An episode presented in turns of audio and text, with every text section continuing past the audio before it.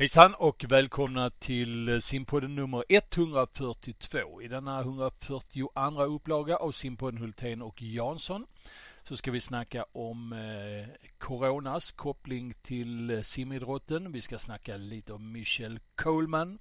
Danmark, ja de har ju inte tvättat sin byk nu och Jansson han är inte glad för att man inte har städat färdigt i hörnen. Det har simmats i USA. Vi ska berätta om de svenska insatserna där. Och sen så har vi lite annat smått och gott att snacka om också. Till exempel Wall of Fame inom simningen som vi tycker behöver ett lyft. Men först innan vi sätter igång ett ord om vår sponsor, nämligen Arena.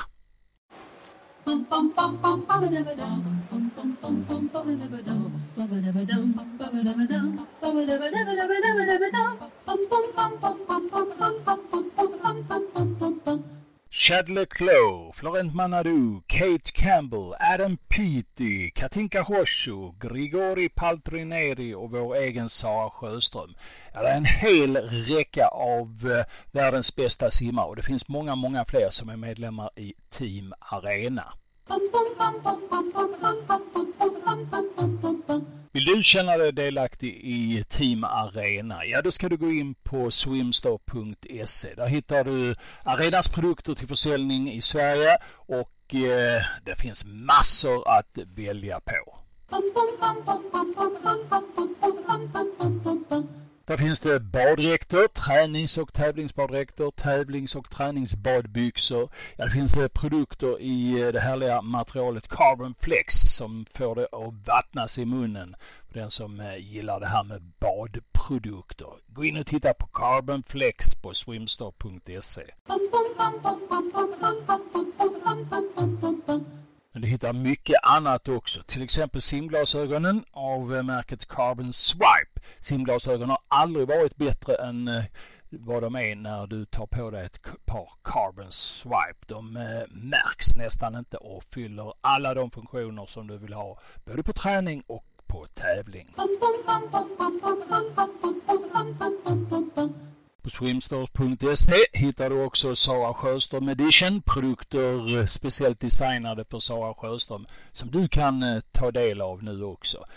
Bli medlem i Team Arena. Gå in på swimstar.se. Välkommen! Nu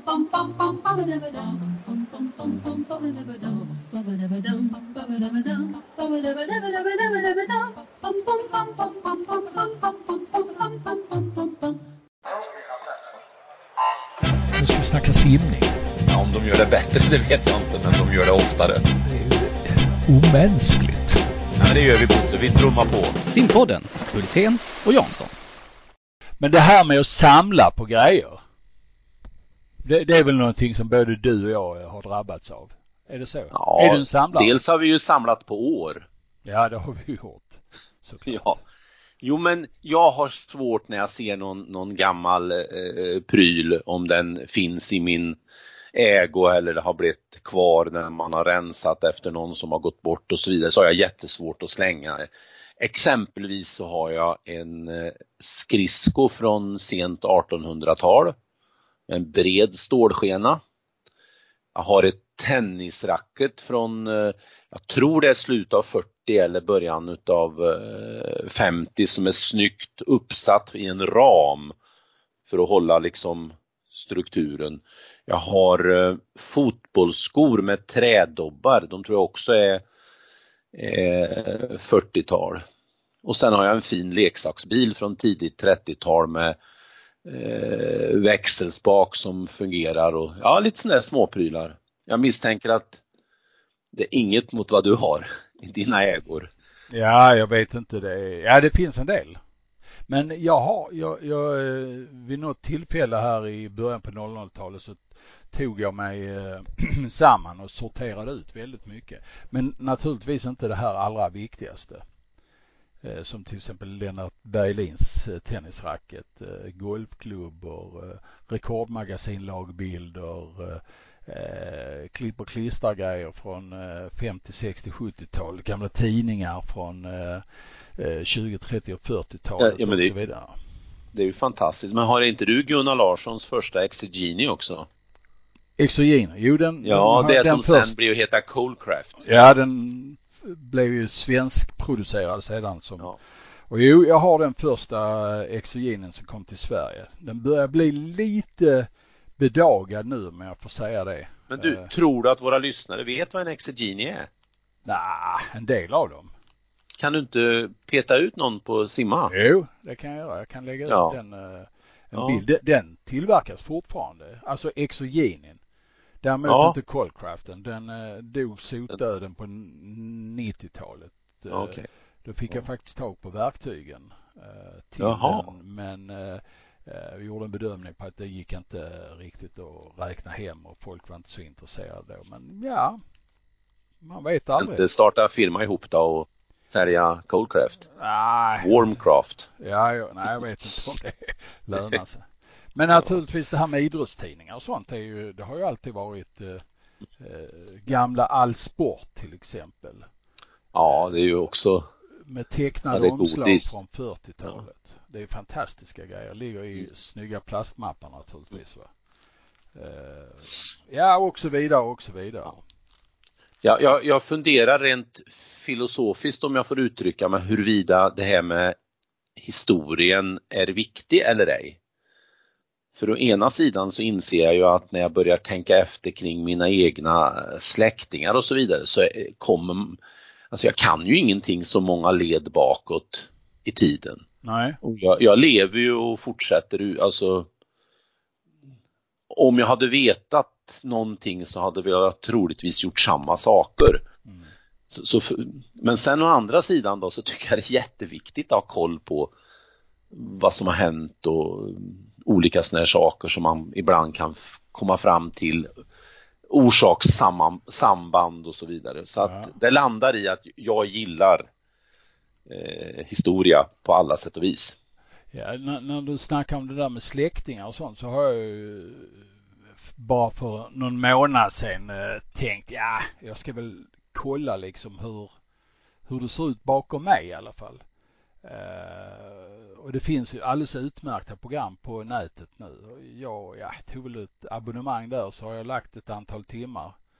Eh, en 12-15 timmar här senaste månaderna och, och gå igenom. Jag är faktiskt tillbaka nu 16 led. Eh, så jag har mina ehm, äldsta släktingar in precis på 1400-talet eh, som jag har lagt upp släktmappar på. Så att, eh, och det, det går rätt snabbt. Det är lite, lite jobb men eh, det är rätt spännande. Och sen helt plötsligt får man massor med, med kusiner i de närmaste leden också. Bara det är ju rätt spännande. Jag, jag vet, vi vi måste ju strax börja snacka simning, men jag vet att min 1809 föddes fiskare Jansson på andra sidan sjön där jag bor. Mm. Jag tycker det var lite snitsigt när man, när man hittade att han eh, hette, om han hette fiskare Jansson eller om han, det var ett namn men det var ändå så vedertaget så det stod i några sådana här ah, kyrklängder eller vad det heter. Han hette ju inte det. Det Nej. säga, för alla, de har haft efternamn, de allra flesta, ner på 1500-talet. Men när vi går in på 1400-talet, då blir det, eh, blir det alltså sådana här Per i Gryt och Thomas i Åbuen och eh, såna, den, den typen av namn. Va? Men eh, som sagt var, det är lite spännande. Thomas i kloret. Ja, i kloret. Ja. Sen är det ju så att det, det, bygger på ska man vara intresserad av historien så måste man ju dels ha en viss form av sentimentalitet. Och den är inte så Mm. vanlig i samhället idag. Man, man, man måste vara intresserad av sin bakgrund. va. Det är många som säger nej, det där bryr jag mig inte alls om. Men jag tror att det är viktigt att Mm. titta i backspegeln för att kunna se framåt med klar sikt. Ja, så är det. Men Ja, det var en podd vi skulle spela in Ja, så var det. simning. Simning. Oj, då kom vi av oss. Kan vi ha kvar det här vi har pratat om nu? Ja, Ja, det kan väl det- ligga. Ja då. Mm. Vi ska väl snacka lite om eh, det här med coronavirus och kopplingar till det. Vi ska snacka om Michelle Coleman. Vi ska snacka om dansk simning som fortfarande är eh, under eh, en process som vi vill titta på. Vi ska titta ut i USA och se vad som har simmats där och sen så har vi lite annat på slutet också om vi får tid. Och då ska vi snacka bland annat lite om historia och simhistoria och hur vi ska behandla och jobba med den. Men du, ehm, det här coronaviruset, det heter ju någonting annat egentligen på fackspråk, men eh, allmänt talat så kallas det corona och det är ju fler och fler idrottsevenemang som ställs in. Hur, hur eh, allvarligt ska vi se på det? Det är vi inte specialister att uttala oss om, men Nej, men man, man kan ju man kan i alla fall notera att det, med jämna mellanrum kommer sådana här saker. Asiaten på 50-talet och eh, SARS i början på 2000-talet eh, för att nämna några. Eh, och tittar man på och, och, och, spanska sjukan om vi går tillbaka till slutet av andra världskriget så har ju det hittills blivit på ett vis mindre och, eller färre och färre döda. Eh, och vart corona slutar det vet vi ju inte men det är ju en stor skillnad om vi jämför med historiskt, det är ju vårt livsbeteende med då resor som bara de senaste 20 åren har eh, tiodubblats. Eh, så det är klart att spridningen eh, kan ju gå så oerhört mycket fortare och ur det perspektivet så ska man nog ta det ganska allvarligt och alldeles nyss kom det en flash på en av de större tidningarna där någon uttalar sig och säger om du inte behöver resa, gör det inte. Avstå resandet till man ser vart det tar vägen. Så i den meningen är det allvarligt och precis som du sa eh, flera evenemang har ställts in. Friidrotts-VM flyttats till eh, nästa år. Lag-VM i bordtennis framflyttat till sommar alpina tävlingar utan åskådare, eh, ligamatcher i Italien eh, inställda etc. Så samtidigt ska man inte gripas av panik.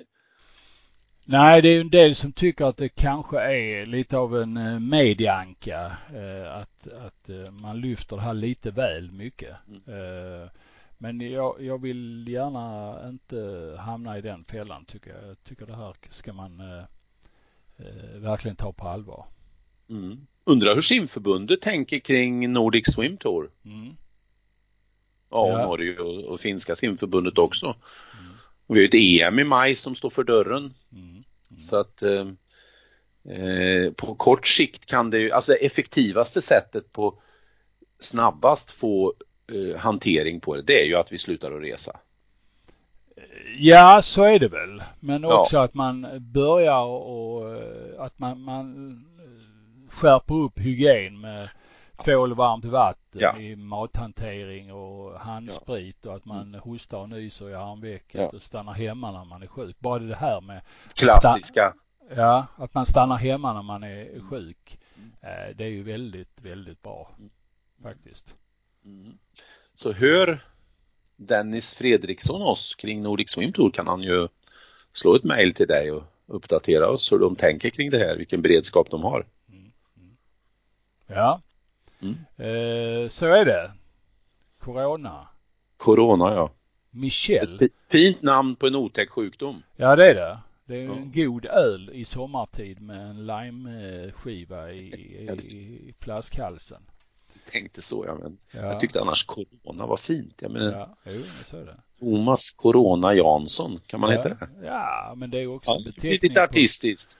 Det är Corona Jansson är ju solen. Ja, Jansson ja. vet jag inte. Ja, det är ju, det är helt värdelöst egentligen. Ja. Jag, när jag hör ordet Jansson där så kommer jag att tänka på en gammal Hasse Alfredsson. Eh, när han beger sig in i ugnen och, och tittar på vad som lagas eh, inne i spisen där så går han ner och, och så eh, hoppar han ner i en, en sån här form eh, ugnsform och så knallar han omkring där ett tag och så möter han en liten, liten, liten gubbe som man säger. Så sträcker han fram armen, eh, den här lilla gubben och så hälsar Hasse Alfredsson på honom, då i form av Lindeman och så säger gubben där, Jansson. Och det är ja. väldigt fint när han ja. vågar. Ja, det, man, ja, måste, man måste lyssna mycket på Lindemann för att uppskatta det. Mm. Du, eh, Michelle Coleman, det är ett annat eh, fint namn. Eh, ja, och en väldigt duktig simmerska. Ja. Om vi tänker på vår egen Michelle Coleman. Så är det. Det finns mm. väl inte så många Michelle Coleman i Sverige i alla fall. Nej, inte i Sverige, men Nej. det kanske finns några fler runt om i världen. Så är det kanske. Mm. Eh, hon har ju intervjuats av Sveriges Radio, Sportradion. Eh, det kan man eh, klicka sig fram till på simma.nu också. Där är en spelare där som eh, på nyhetssidan så kan man mm. lyssna på den intervjun. Hon skalar bort sin satsning på 200 frisim och nu blir det bara 50 och 100 efter att ha simmat väldigt bra under höstsäsongen i kort bana. Är detta bra Thomas Jansson?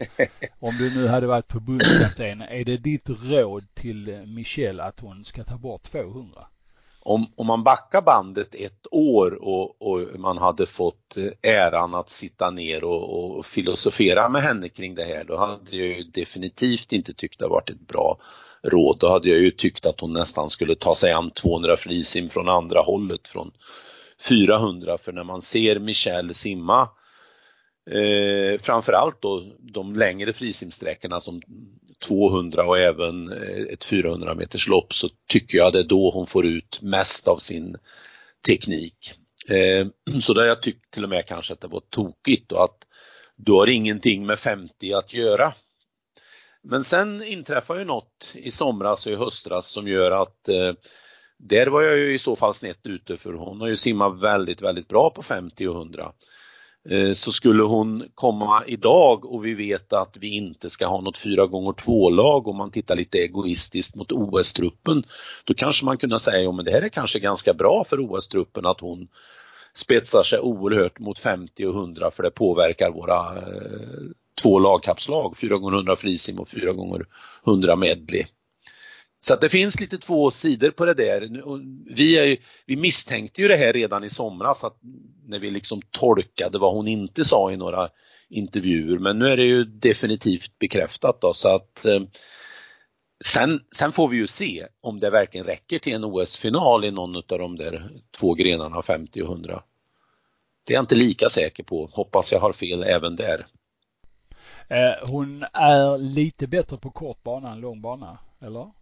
Dessutom är hon ju det, ja och det är ju framförallt för att hon har så eh, väldigt bra eh, undervattensarbete. Mm. Eh, men det är klart, de i världseliten där, de har ju det de, ja. det de ska konkurrera mot, de är ju ungefär lika bra som henne. Mm. Men hon är, hon är nog lite bättre i kort än i lång, så är det nog. Okej. Okay. Ja. Om man nu kan uttrycka det så, det är ju två olika discipliner så egentligen jämför vi för ofta kanske. Jag vet inte. Svenska lagkapslag har vi tjatat oss eh, ganska onödigt trötta om emellanåt. Eh, vi har ju alltid haft en dröm här om att, du och jag menar jag, att vi ska mm. ha ett 4 gånger 2 lag. För vi gillar ju ganska långa distanser. Just eh, matchen på 4 gånger 200 frisim, det är ju den ultimata lagkappsmatchen som jag ser det. Eh, det är ungefär som skillnad mellan hockey och fotboll. 4 gånger 100 det går så jävla snabbt så du märker knappt vad som händer. Men 4 gånger 2 det är som fotboll. Det går precis så lagom långsamt så man hinner att hänga med. Ah, nu, Eller? Ja, alltså jag måste ju säga det. Jag har ju sett Sverige slå världsrekord på 4 gånger 50 några gånger. Och det är ju en helhäftig upp, uh, upplevelse när man liksom simmar de där 4 gånger 50 och det tar en minut och 24 sekunder som är ungefär det svenska rekordet. Men jag förstår vad du säger. Vi, och jag delar ju uppfattningen att det är klart jag tycker en simnation som Sverige skulle ha lag med. Ah, vi, vi ska vara representerade på alla lagkapper. Det är de 16, 16 bästa i världen som får vara med men eh, så det är synd att det inte är 4 gånger 2 det är det. Mm. Um det kanske är bra för eh, medelhavkappen 400 och mixed medelhavkappen att hon eh, skalar ner till att simma 50-100. Eh, det kan ju mm. vara en fördel där naturligtvis. Mm, det tror jag. Ja. Det tror jag. Och sen att hon har satt ner foten åt alla håll och kanter. Sen kan man ju egentligen inte ha synpunkter på vad en idrottsman väljer för grenar. Det är ju, det är ju någonting, ett personligt val för man måste ju ha lusten och brinna för det man ska göra. Jag kommer ju ihåg debatten kring, jag tyckte faktiskt synd om Carolina Klüft när hon valde att satsa på längdhopp och alla liksom blev nästan arga på henne för att hon de tyckte hon slängde bort medaljer men, men själva idrottsutövaren kan ju inte tänka så, den måste ju utgå från sin lust. Så är det. Men vi kan ju ändå konstatera att, eh, precis som du gjorde för en liten stund sedan, att eh, just hennes teknik eh, känns ju som den är allra bäst när hon simmar i en fart som eh, passar för 200 ungefär. Ja, det är där jag tror hon kunde ha slagit världsrekord. Mm. Men det tror jag inte hon kan göra på 50 och 100. Nej. Okej. Okay. Mm. Jag hade bara Michelle Coleman det. Eh, du, jag tror faktiskt att vi ska låta våra öron, eller lyssnarnas öron, eh, få vila ett litet tag så kommer vi alldeles strax tillbaka med simning och då är det dansk utblick som vi har. Alldeles strax tillbaka med mer simning. Nu ska vi snacka simning. Ja, om de gör det bättre det vet jag inte, men de gör det oftare. Det är omänskligt. Ja, det gör vi Bosse. Vi trummar på. Simpodden, Hultén och Jansson. I andra perioden av den här simpodden nummer 142, 142, eh, där ska vi snacka dansk simning och det är ju så att eh, det finns, eh, ska vi säga, en, en ganska smutsig historia i dansk simning som egentligen på något sätt inleds med en affärs, eh, affär som rörde sig väldigt mycket runt Mette Jakobsen i början på 00-talet. Och sen har då det här snurrat vidare. Man har behållit ordförande i simförbundet. Man har importerat eh, tränare. Man har skruvat åt sin organisation. Man har blivit ganska mycket lika de arbetsgivare som finns på dansk marknad och tuffat till det hela. Man har fått in eh, utländska krafter som Mark Regan från Australien, Paulus Wildeboer från Holland och det har blivit, eh, ska vi säga, en lagom soppa eh, efter hela det här paketet av eh, tränare och talangutvecklare i form av eh, danska Mikael Hinge som man har hängt ut väldigt mycket.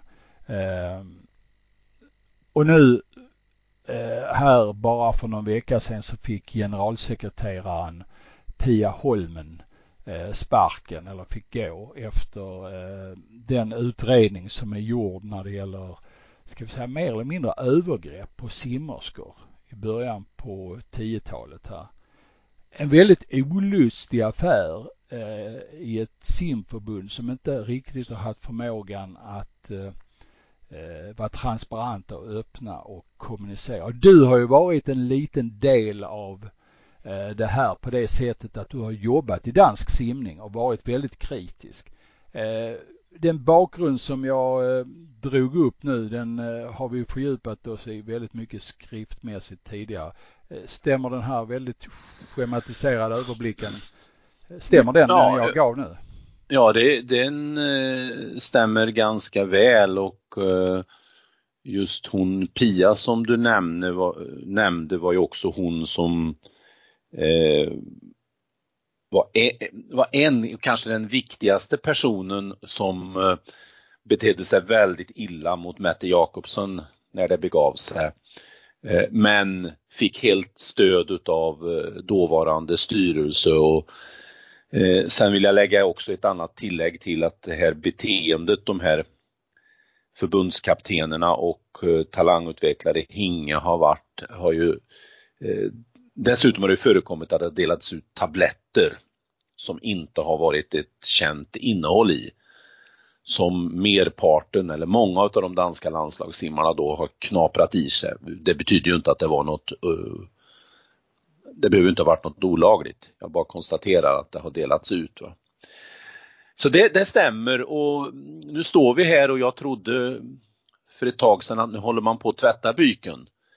Och så upptäcker jag att um, det är ju ingen som har agerat mot Lars Sörensen som fortfarande då, han är ju inte kvar i simförbundet men han har ju en mycket central roll i dansk simning genom att vara klubbchef i en av de största klubbarna, huvudstaden.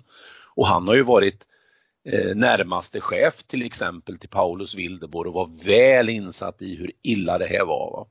Så ska man tvätta byken borde Lars eh, eh, bikta sig och eh, inte ha det jobb han har. Och så Pia då som fick eh, avgå nu visade sig att hon är nominerad till att sitta i LEN. Eh, och där om man tvättar Le, Le, LEN, alltså det Europeiska simförbundets styr, ja. styrelse eller verkställande byrå. Ja. Mm. Och då tycker man att ska man tvätta byken borde ju danska simförbundet bara säga nej, det är inte aktuellt. Det är verkligen inte aktuellt, hon borde bara bort därifrån. Och mitt i det här då har vi då en ordförande som har suttit sedan 2001 eh, som ju också borde ställa sin, sin eh, plats till förfogande med tanke på att han är ytterst ansvarig. Så att först när de där sakerna sker tycker jag att man på riktigt har tvättat byken. Kommer man göra det? Det tror jag inte. Nej. Alltså... Och jag tror tyvärr inte heller att grannnationerna i, i har tillräcklig, eh, vad ska vi säga, att de vågar ta striden och, och, och, peka finger åt Danmark och säga att nej men vi ska inte ha något samarbete förrän ni har tvättat bort det där. För, för beteendet hos de där förbundskaptenerna och Hinge hör ju, alltså det hörde ju inte hemma på idrott för 50 år sedan ens. Nej, nej. Så att eh, nej, jag tror inte så mycket sker. Jag tror att Pia blir väl invald och Lars Sörensen blir kvar och sen blir det på lite, lite bättre, men jag menar, de har ju uråldrigt sett eh, på arbetsmarknaden som du var inne på, till exempel. Mm.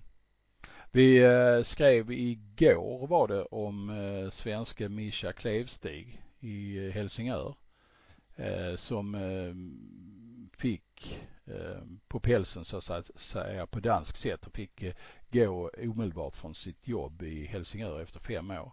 Och det är ju lite av traditionen och idén i dansk danskt arbetsliv att man eh, knäpper om fingrarna så tar man bort och oftast är det då, eh, jag säger inte att det är Mischas fall men eh, det kan det ju vara personligt kopplat så vill man bli av med någon i en organisation ja då är det någon som sitter högt upp som kan styra detta och, och se till att personer försvinner. Mm. Det är lite obehagligt och det känns på ett sånt sätt som vi inte riktigt är vana vid i Sverige. Men när man väl är i Danmark och, och vet spelreglerna som du har eh, eh, eh vad heter det? Upplevt. Ja, precis.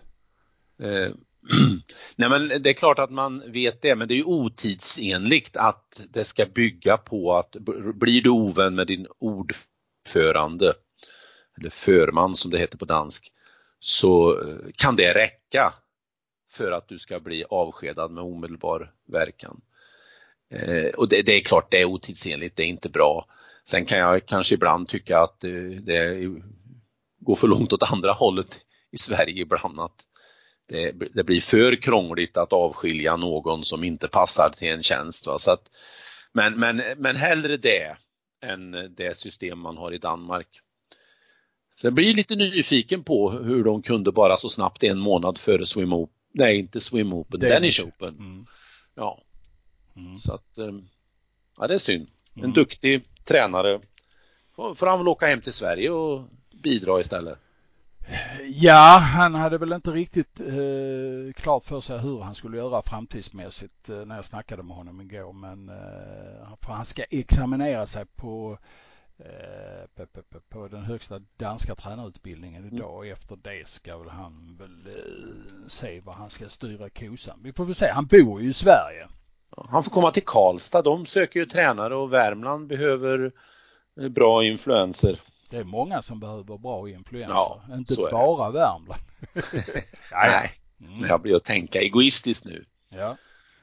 Eh, vad bra. Då eh, ska vi ge oss över till USA, den amerikanska college-simningen.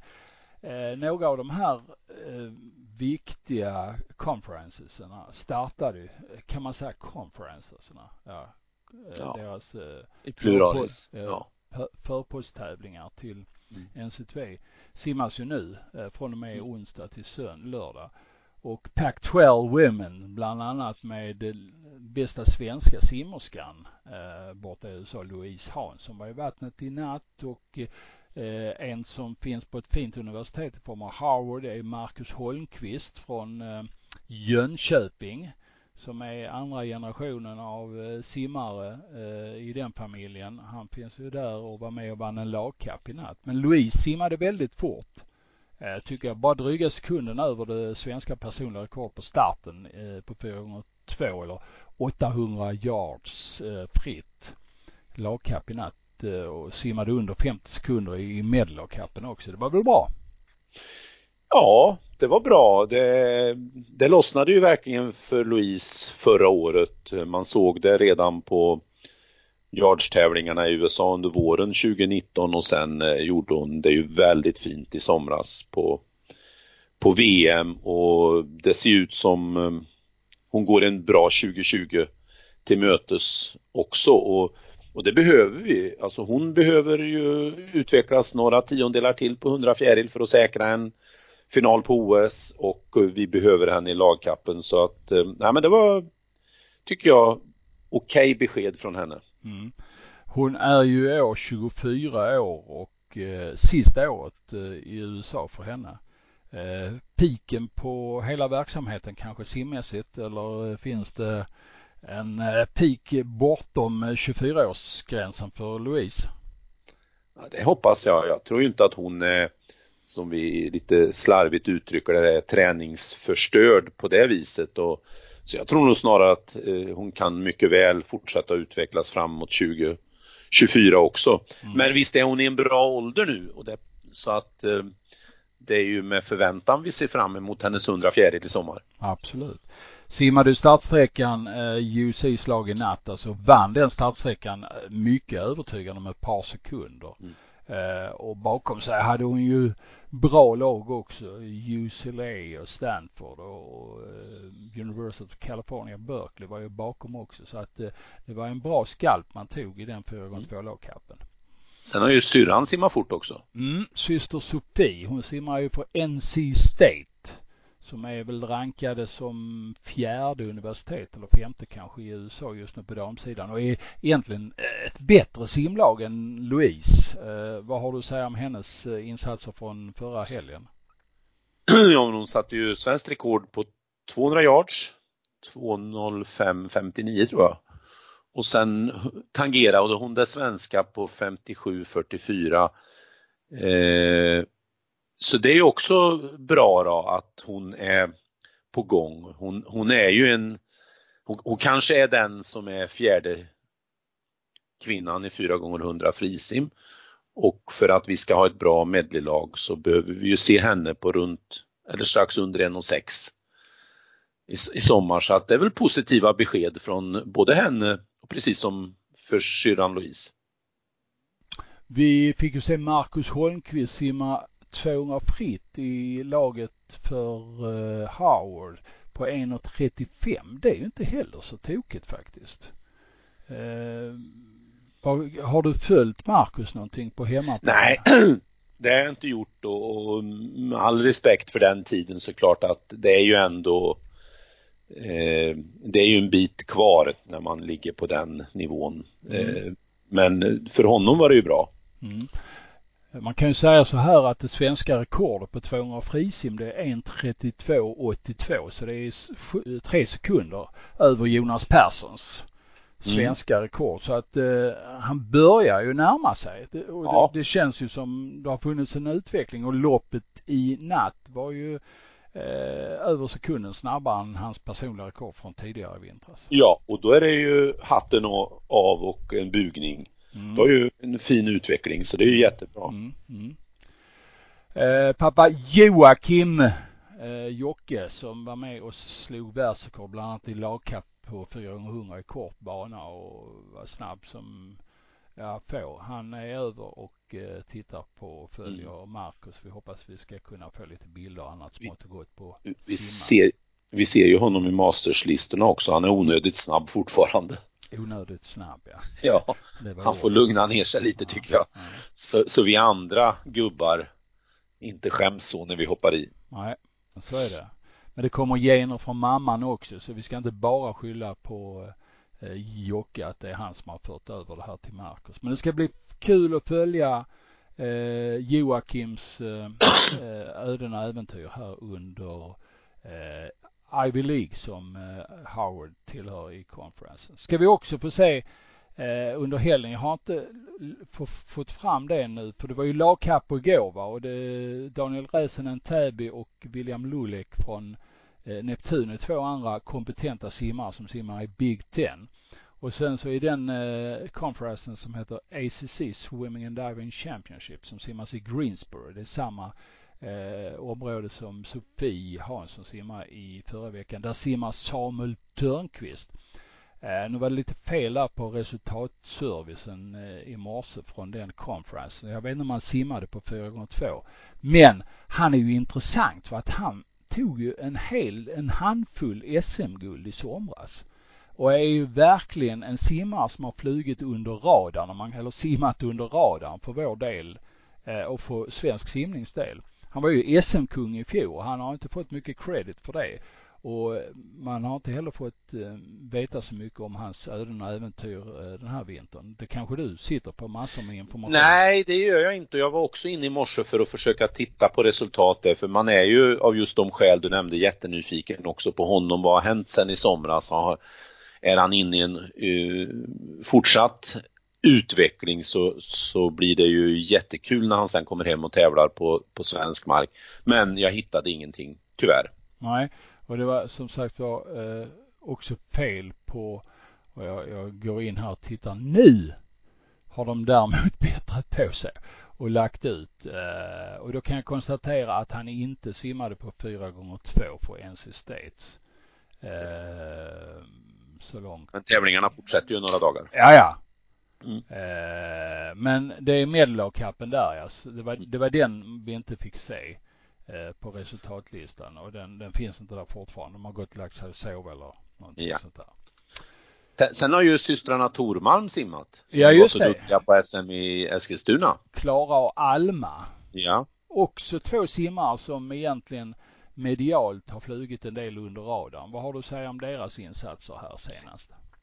Ja, om jag tittar på Alma då så simmade hon ju till exempel 50 frisim på 22.41 och eh, 100 på 48.55 och det är ju så lurigt att räkna över till yards när man inte, eller från yards till meter när man inte kan exakt hur duktiga de är på undervattensarbete, hur det ser ut när de simmar sina lopp, hur mycket fart de tappar efter 20 meter exempelvis. Men min bedömning är att tiderna är i paritet med eller kan, i alla fall lika bra som det de gjorde i Eskilstuna. Mm.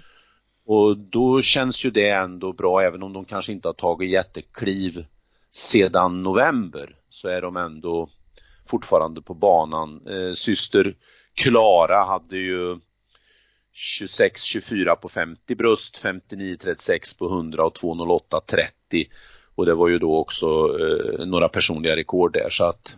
Och det ska sägas att om jämför med Sofie Hanssons eh, svenska rekord på bröstsim så är det dryga sekunden långsammare och jämför ja. vi eh, Almas tid på 50 fritt mot Louise Hanssons svenska rekord på 50 yards frisim, ja då är det sju tiondelar över. Ja. Så de, de är inte så långt efter. Nej, det är de inte och, och så det precis som du sa, de har varit under radarn. Sen kan man uttrycka det så här att vi borde ha haft bättre koll på dem. Absolut. Men, ja, men eh, nej men det är kul. Så det, det, de, eh, de namnen där blir ju spännande och kul att se när de kommer tillbaka till, till Sverige framför allt och mm. hoppas några av dem kommer hem till Swim Open. Mm. Mm. Eh, det var väl lite om USA-simning. Vi ska väl eh, säga så här också, snacka lite om NC2A. Vi, vi är väl inte världens bästa eh, specialister när det gäller eh, hur man kvalar in till NC2E och kan alla reglerna där. Men vi har ju eh, jag snackade med Per Arvidsson igår och han hjälpte mig lite med hur, hur reglerna är för de här lagen och, och eh, då ska vi se här om jag uppfattade allt rätt. Att varje lag till NC2E får ha max 18 aktiva. Um, och de gäller det finns ju A och B-kvaltider och A-kvaltiderna är ju väldigt tuffa. Eh, egentligen är det så att det är bara kanske 5-10 stycken i varje gren som klarar A-kvaltiderna. Men man har ett, ett fokus på att det ska vara fyra försökshit i varje gren. Och har man väl kvalat in i en gren till eh, NC2 en A-kvaltid, ja då är man klar. Och då får man eh, medels medelst den ranking som finns, det är därför rankingen är så väldigt viktigt, så kan man ta sig in i andra grenar också. Och eh, man får simma max tre individuella grenar och fyra lagkapper. Det kan skiftas mot att man simmar två individuella och fem lagkappsgrenar. Men så finns det ett underliggande eller övergripande antal simmare också som får vara med på NCAA 250-260. Det är lite fler på damsidan än på herrsidan just nu. Varför vet jag inte men så är det i alla fall. Eh, och när vi snackar om 18 aktiva då är det 18 simmare. Men då är det så, det är ju swim and dive det här så det är ju hoppare också. Så har man ett bra hopplag så, eh, och det är precis som jag förmodat, nu ironiserar jag lyssnare, kära lyssnare, men eh, en simmare motsvarar två hoppare, det vill säga en, en eh, hoppare är bara en halv simmare om jag uttrycker mig så. Det var ironi här, men så är det när man räknar om eh, och när det gäller att ta med eh, deltagare aktiva i varje lag till en situation. Så att har man 17 simmare så kan man ta med två hoppare. Har man 16 simmare så kan man ta med fyra hoppare och så vidare. Eh, men totalt sett bara 18 aktiva. Men de, de kan ju bli fler om, om där är eh, simmare eller hoppare som är inkvalade. Eh, ja, mm. det var lite så runt eh, det var ju, det blir glasklart Bosse. Var det det? Jag fick, jag fick en jättefin bild av det där nu. Mm, vad bra. Mm. Kan du några som har vunnit en NCAA som är svenskar? Agneta Eriksson mm. har vunnit. Mm. Eh, Leidström, Arvidsson. Micke Örn. Micke Örn, ja just det. Var det 200 fritt han vann? Jajamän. Ja. 230, en, vad hade han, 130 en 33? Ja, någonting. En 32,8 ja. sa vi att svenska ja. var Jonas ja. Persson. Lasse ja. Per-Ola Lindberg. Per-Ola Lindberg, ja just ja. det. Per-Ola. Ja. Eh, han var ju älsklingsnamnet för Bengt Bedrup en gång ja. i, i tiden. Eh, per Arvidsson har vunnit? Ja, ja. Söderlund har han vunnit? Nej. Ja, Nej. Leidström, Baron. Ja, Nej, jag har ju Leidström. Jag tror att vi, jag tror vi har en lista någonstans ja. på Ja, vi ska försöka ta fram den också fram tills Ja, för det är ju en NCAA-tider nu strax här ja, i mars. Precis. För både ja. damer och herrar. Så det vore kul att se vilka som, för det, det är ju en jag ska ju inte säga det som ett VM, men, men alltså det är ju en stor titel mm. att vinna en NCAA om man vinner NCAA skulle man kunna eh, komma med på eh, Svensk simnings World of Fame då tycker du?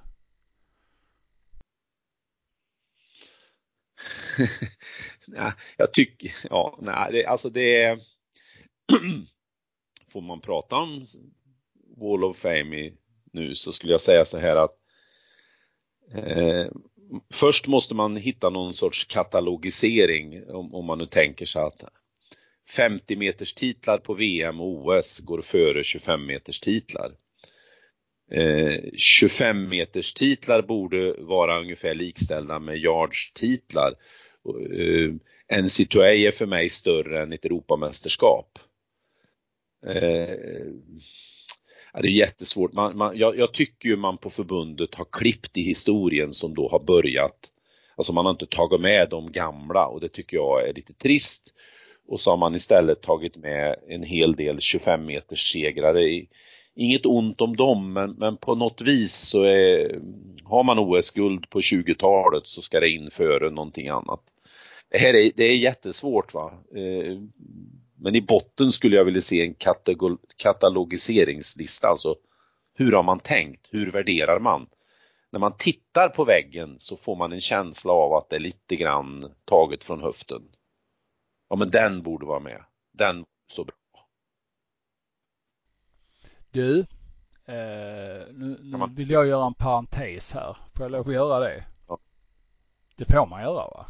Ja, det är ju... Du, du stör inte dina ritningar där uppe i skogen idag? Du... Absolut inte. Nej, jag har fått fram listan på svenska segrare på NCAA. Ja, men gud vad bra. Division 1. Jag har en lista, jag har nämligen på Excel. Eh, nu ser jag att jag har inte uppdaterat den 2019. Louise Hansson vann väl 100 ja, och 200 fjäril va? Ja, 100 Ja, gud att man glömmer så fort. 100 fjäril vann hon ju. Ja, Men om vi tar 2018 och bakåt så är det sammanlagt 25 svenska segrar eh, som har varit på NC2As. Och då räknar jag både individuellt och lag och lag räknas som en seger. Då ska jag berätta att de individuella segrarna är Louise Hansson eh, som har vunnit 18 och 19. Eh, sen Lasse Frölander har vunnit en, två, tre, fyra, fem individuella lopp. Mm. Agneta Eriksson individuellt, Micke Örn och naturligtvis Pelle Holmertz. Ja, Att vi kunde såklart. missa det. Per Arvidsson har vunnit fyra gånger och Per-Ola Lindberg en gång. Sen har vi lagkappsimningar. Eh, där har vi Jonas Tilly, har varit med i Berkeleys lag och vunnit mm. två gånger. Eh, för Berkeley är det fler. Det är ju svenska simmare i form av, nu rabblar de kanske dubbelt, Werner Ledström, Söderlund, Baron. Eh, de har varit med och vunnit, ja det finns ett, de har vunnit sex, fem titlar mm. där. Eh, Agneta Eriksson har vunnit lag också. Mm. Eh, tittar vi tillbaka något snäpp till där så är Holmers och Per Alvar Magnusson ett namn. Ja, just det. Och sen så Arvidsson och Holmers där Arvidsson. Ja, de har varit med i lag så det är just Berkeley är ju de. Eh, ja, men det, Berkeley har varit en gigant. Ja, för svensk det, simning. Det bara, nej jag ska säga, hon simmade ju för Texas, Agneta Eriksson, när hon mm. var lagkapslag. Ja, och Lasse Frölander simmar ju Ja, men han har inte vunnit i lag. Han har bara Nej, vunnit precis. individuellt. Han Nej. Eh, representerar SMU. SMU, ja. Dallas. University. Dallas. Yeah, yeah. Mm. Så är det. Då har vi rätt ut det. Men mm. vi ska uppdatera den listan och vi ska lägga ut den på Simma så att alla är med. Och då har vi liksom fått ut det. Då kan vi gå över till Wall of Fame där vi slutar nu den här parentesen. Mm. Och så, vadå? Vem ja, får vara med? Tydligt, ett tydligt regelverk för hur man värderar saker och ting skulle jag vilja se och så skulle jag vilja att man började om och tog, jag menar för mig kan man kan inte gå runt ett OS-guld. Det betyder att OS-guld måste upp på väggen, men så är det ju inte idag. Är det inte? Nej. Är Arne Borg med? Ja, oh ja, oh ja, oh ja. Vart sitter han då? Ja, han sitter inte där men Nej. för att man har slarvat lite och bara tagit de senaste. Ja men det är, det, det är exakt det jag menar Bosse. Ja, ja, men de ja. är med. Ja men eh, det är en de annan syn... sak. Ja men de syns ju inte där. Nej. Alltså jag kan säga så här att det finns 33 stycken som är med på uh, Swimming Hall of Fame som har då tagit VM eh, eller OS-medaljer. Mm. Eh, sen är det en som är med av en väldigt konstig anledning att hon bara har vunnit EM-guld och det är Anna Lindberg som är den senaste som kom med. Varför hon har kommit med, det skulle jag gärna vilja ha en förklaring på. För sen övriga Europamästare, individuella Europamästare eh, på lång och kort bana. Det är sammanlagt eh, ja, massor, elva stycken ja. simmare. De, är inte med. De är inte med. Nej. Eh, och det, så det är väldigt konstigt att eh, Anna Lindberg är med. Hon borde mm. inte enligt statuterna vara med om jag förstår rätt. Men det finns säkert de som kan svara mm. på det. Men det här borde man jobba igenom. Mm.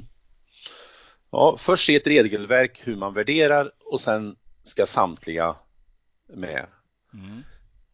Det tycker jag. Och ni mm. som är lite intresserade av det här Wall of Fame, om ni går in på eh, simma.nu och gå och titta på SWE plus, Sverige plus, så kan ni gå ner till Swimming Hall of Fames första sida. Där står allting runt det här.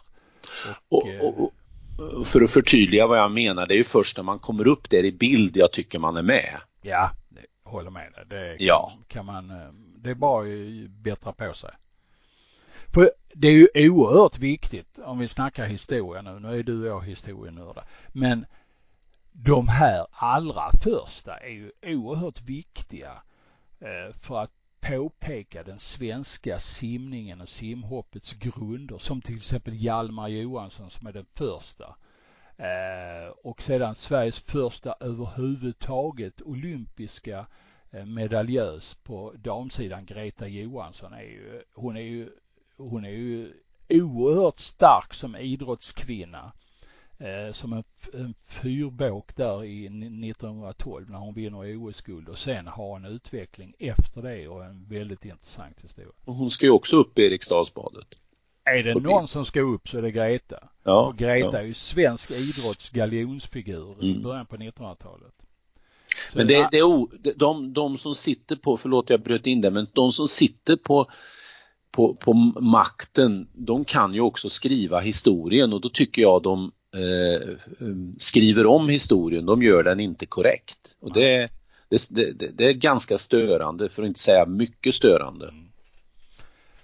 Kan jag säga att det finns lite bubblare till att komma med i Swimming Hall of Fame också och det är ju då eh, de som kan komma med så att säga i dagens läge. Therese Alshammar, Sara Sjöström och Jenny Johansson. Ska, sen ska det finnas då ett avstånd till eh, eh, att man har avslutat sin karriär. Men Alshammar skulle kunna varit invald i fjol. Nu hoppas jag att hon blir det. Men blev hon inte det? Ja, blev hon inte? Nej, jag tror Hänger inte hon på Nej, det gör hon väl inte va? 10 metern där? Ja, det är möjligt. Jag kan ha fel. Ja, nu blir jag, nu blir jag, så får vi kolla, inte- måste jag kolla på sen när det blir swim open.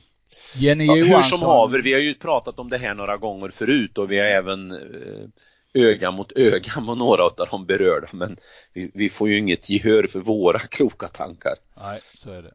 Ja. Men du, det här med historia, det, det är ju det är jätteviktigt. Eh, föreningarna är inte speciellt duktiga på att hålla på med det heller. Eh, det blir lite fotsteg i sandstrand när man använder Facebook som historisk beskrivning eller historiedokumentation tycker jag. Ja, den är helt värdelös. Den är suverän i, i momentet när saker sker. Så, så är det ju Facebook, det är snabbt och alltihop och det är många som använder det. Men om man på något vis ska ta reda på någonting eh, då kan man inte använda Facebook och gå ner och titta i olika Facebook-trådar och så vidare utan då, då är det ju klubbarnas officiella hemsida det enda instrument man skulle kunna använda. och det idag, alltså den försämring som har skett på tio år är enorm. Förut kunde man ju gå in och surfa liksom efter en eh, tävlingshelg på olika eh, sidor och se, ja hur gick det för Västerås, hur gick det för den och den klubben. Och nu är det ett jättedetektivarbete när man ska försöka reda ut saker och ting. Och det skrivs väldigt lite på hemsidorna. Mm. Nu uttrycker jag ju mig som alla förstår generalistiskt. Mm. Men vi ska, just den här tråden blir en cliffhanger till eh, kanske nästa eh, simpodden. För här finns det mycket att snacka om. Vi vill ge eh, anvisningar och råd och gärna att vi kommer att peka lite med stora handen också för svensk simning när det gäller historiedokumentation. Men mer om det i framtida poddar. För jag känner att nu har vi utnyttjat våra lyssnare till bristningsgränsen och nu är det dags att, att slå igen butiken. Så är det. Ja. Tack så mycket Thomas för 142an. Tack själv. Ja.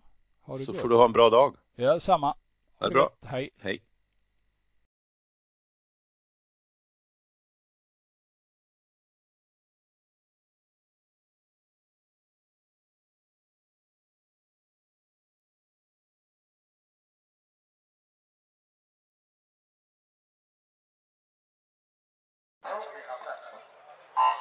Nu ska vi snacka simning. Ja, om de gör det bättre, det vet jag inte, men de gör det oftare. Det är ju omänskligt. Ja, men det gör vi Bosse, vi trummar på. Simpodden, Hultén och Jansson.